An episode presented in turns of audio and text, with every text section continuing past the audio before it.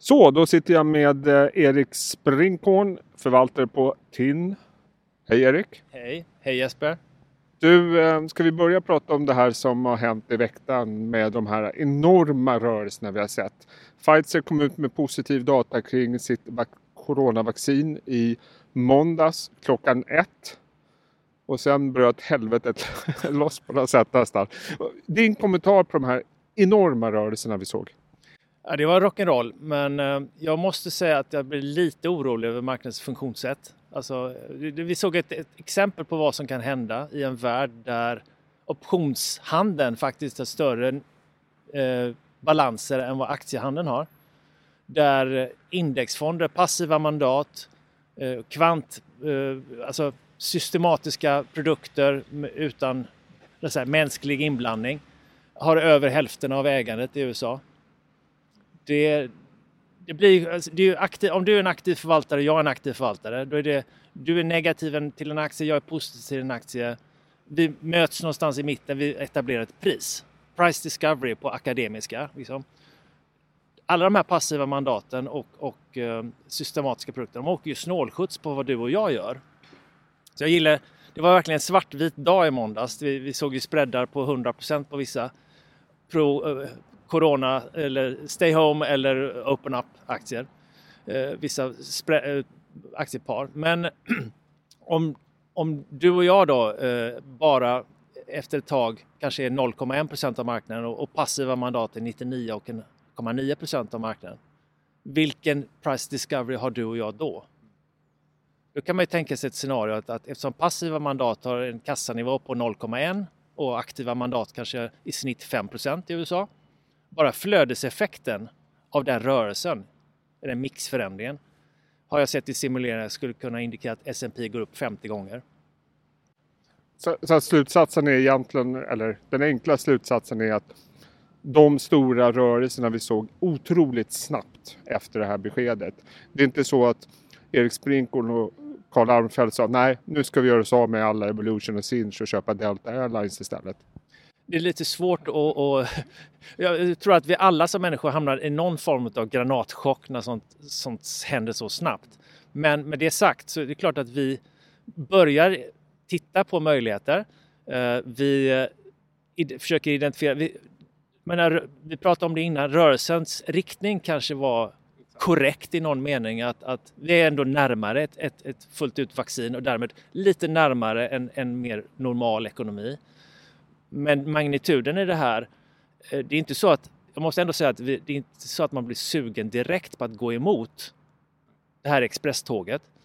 Även om, om man inser intellektuellt att rörelsen går för långt. Kan det också vara så att eh, du, du, sa att riktningen i sig är förmodligen Eh, eller rationell kan man väl säga. Va? Ja, jag säger inte att den är rätt men, men den kan vara ändå teoretiskt korrekt i någon mening. Kan det också vara så att om, om vi ser under de coronamånader vi har nu så har ju tech gått oerhört starkt. Det har blivit på något sätt en safe haven i den här galna världen vi lever i. Kan den uppgången också delvis då förklaras av de här passiva fonderna? Självklart är det så, definitivt. Och det är väl en innebo den inneboende risk Eh, som vi alla får leva med. Att, att passiva mandat kommer driva marknaden hit och dit. Och jag ser framför mig, jag ser inget slut på, på, på så att säga, innovation, innovativa bolags övertag mot den gamla världen i, i fundamentala termer.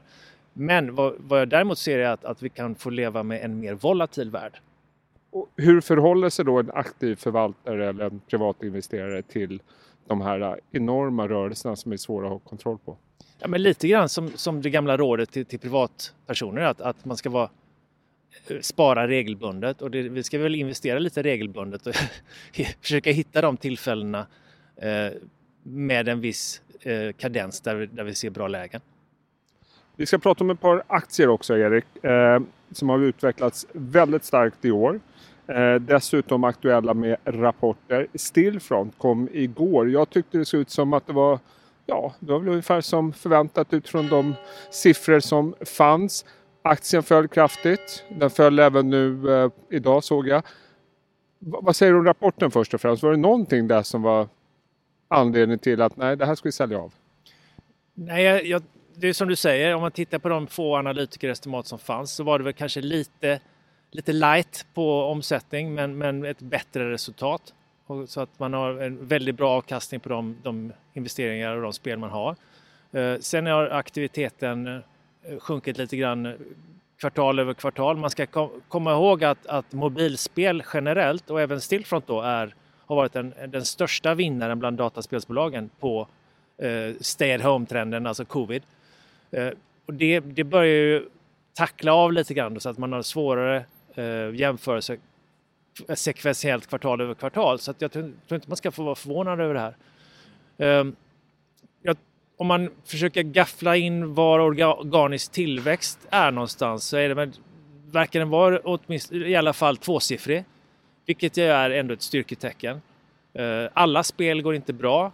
Eh, mindre, mindre engagemang kring spel som, som eh, simulering och RPG medan strategispelen går fortsatt väldigt, väldigt bra. Så att all in all, helt okej okay rapport. Och dessutom känns det ju igen då som att menar, balansräkningen är stark. Det, bolaget är väl hyggligt opportunistiska när det gäller att, att göra ytterligare förvärv som kommer bidra till tillväxten framöver. Är det det man ska räkna med också? Ja, det ligger ju i affärsidén och, och definitivt eh, bekräftar ju Stillfront det när, när, när de pratar om, om, eh, om, konkret om, om värderingsmultiplar eller förvärvsmultiplar som kan komma att gå upp lite grann tror jag att man sa på något call igår. Det, jag skulle säga att det är naturligt i och med att man nu själva är större. Då hittar man, ser man ju större målbolag också och de, det, det, brukar vara en tendens att ju större målbolag eh, du, du går efter desto högre blir multipeln. För det, ju större desto mer bevisat, bekräftat att de faktiskt kan flyga. Eh, de här mindre bolagen som kanske aldrig skulle klara sig på egen hand de, de tenderar ju ändå att komma till väldigt mycket lägre värderingar. Så det är en naturlig trend. Men, men det är, jag vet inte om det var någon som tolkade det extra negativt att man kommer köpa till högre multiplar nästa år. Det, jag vet inte kanske har ju mer att göra med de här flödena vi pratade om i början av samtalet. Det är en, tror jag, en stark bidragande orsak till att, att aktien går som den går. En annan eh, spelaktie som har gått väldigt bra det är Paradox, kommer med rapport nästa vecka. Hur ser ni på det caset eller det bolaget just nu?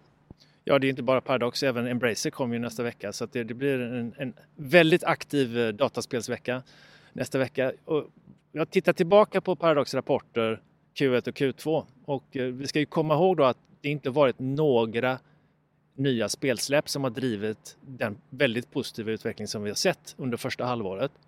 Utan det har bara varit expansioner och den så kallade backkatalogen som ändå levererar väldigt bra tillväxt och resultat. Nu i Q3 så kommer vi se då effekterna av CK3, Crusader Kings 3. Eh, exakt hur stor den blir, det har inte jag någon aning om. Det tror jag bara Paradox har eh, vet. Och eh, lite grann hur, hur, exakt hur stor den effekten blir, men den är väldigt eh, tydlig positiv nettobidragsgivare såklart. Um, sen har vi ett, ett eh, för, för, Q4 om man ska titta framåt så har vi ju Age of Sins som har fått en, en väldigt eh, positiva recensioner. Det är ett mindre spel, eh, inte, inte, inte något av, av Paradox stora strategispel. Men, men det är också trevligt att se att det kommer igång lite mer eh, nya spel, spel, släpp av nya spel. Så tidigare investeringar i nya spel, nu börjar rullas ut i Q3 och Q4. Hur, hur, är det i den här branschen? Får man liksom en omedelbar effekt på intäkterna i samband med släpp eller blir det här liksom en rullande, att effekten kanske blir större lite längre fram? Ja, om man tittar historiskt så var det, handlade det allt om de här nya släppen. Och, och sen, sen, man sålde fysiska produkter och sen hamnade de någon gång i reabingen och så fick man kanske en, en, en puls till då. Nu för tiden när allt är digitalt så är, ja, spelsläppet är viktigt och marknadsföringen och, och hela Eh, metodiken är ju superviktig. Men eh, betydelse för eh, återkommande innehåll, så kallade DLC, expansioner, som man kan återaktivera påminna kunden om att här kommer nytt spännande innehåll. Det gör att du har en helt annan yta under, under kurvan idag. Och det, det vi har sett under första halvåret där man Paradox framgångsrikt har levererat mer innehåll till existerande spel. Vilket vi har sett hur, hur, hur, vilken tillväxt och vilken lönsamhet man kan, man kan få från det. Så det, det är Paradox verkligen strukturella styrka. Att de tar väldigt väl hand om sin, sin kundbas och vårdar sina, sina spel och sina varumärken på bästa sätt. Jag tänkte att vi skulle avsluta med lite Norge eh, för omvecklingens skull. Eh, ni har varit väldigt aktiva på norska Merkur Markets. Varför det för det första? Jag tycker Mercurius är spännande. Det är, det är, ingen ny företeelse men de har gjort en, en omstart kan man säga och, och skruvat upp kraven lite granna. Man, man, måste nu inte ha, man måste inte ha ett prospekt men man måste ha, göra ett så kallat admission document och man måste ha en rådgivare. Så att det, det har blivit lite mer ordning och reda. Eh, det har varit en väldigt eh, framgångsrik start, eh, inte minst med Pexip som vi var med i mitt under coronakrisen. Och det har följts av många andra bolag och jag, jag, själv är förvånad över hur många intressanta och fina mjukvarubolag det finns i Norge. Så att vi, vi har haft ambitionen att ändå försöka vara, hjälpa till och stödja den här eh, lilla trenden att, att, att kunna skapa ett kluster på, på Oslo Börs också. Jag tänkte att vi skulle prata om ett av de här äh, bolagen, eller aktierna som ni har investerat i och det är, jag förmodar att man uttalar det så, Patient Sky. Är det så man uttalar Berätta lite om bolaget. Ja, Patient Sky eller Patientsky. Eller när vi är på skämtsamt humör, Patientski. Det kan vara både ryskt och norskt. Nej, framförallt norskt. Men, men det är ju strukturellt ett väldigt kul bolag. Det är, handlar om eh, elektroniska journaler för, för vården. Eh, man har också på vården är ju kanske en late adopter för att gå till mjukvarulösningar på många sätt och inte minst molnet eftersom det är naturligt eftersom man har ändå integritets... Det här är känslig data, det får inte hamna var som helst. Så Patient Sky har då egna servrar i Sverige, Norge, Danmark, Finland tror jag. Eh, alla marknader de, de, är, de, de är aktiva. Och det gör att man kan hantera data på ett väldigt säkert sätt. Vi kommer inte ha några skandaler att, att uh, hela Transportstyrelsens uh, data hamnar i en, en, en serverhall i Serbien. Liksom. Det, det, det, det, det är mer eller mindre uteslutet. Nej, så att, eh, de har en väldigt stark ställning i Norge uh, och, och duktiga i Danmark. Sverige är ju mer dominerat av ett annat bolag som heter Carasent med ett dotterbolag Evimeria som är väldigt framgångsrika i Sverige. Så att här finns ett uppenbart jämförelseobjekt, Carasent mm, Patient Sky. Och eh, vi, vi, tycker väl att eh, det var en, en, högst rimlig värdering som man kom till börsen med och, och har eh, dessutom vad vi kan vårt initiala intryck i alla fall av, ledningen är väldigt positivt. Det är minst 9 av 10. Min erfarenhet av medicintekniska bolag det är att det har kommit väldigt många bra produkter och service genom åren. Men att sjukvården i Europa och kanske i synnerhet Sverige är väldigt konservativ. Det tar tid. Nu har vi dessutom en coronaepidemi som gör att alla resurser mobiliseras till akutvården, till behandling av coronapatienter. Hur påverkar det Patient Sky i det korta perspektivet? Alltså, journaler måste vi ha även för att hantera coronapatienter. Så att journalsystem, att gå från papper till, till digitalt, det, den, den, det har ju sjukvården gjort. Eh, men om man tittar på vilka, vilka, vilka sorters mjukvara använder vården då? Den offentliga vården har ju gått till de stora drakarna on-premise. Men det intressanta är då att, att, om du tittar på Stockholm, Västra Götaland och Skåne så är de tre, var och ett, olika eh, elektroniska journalsystem.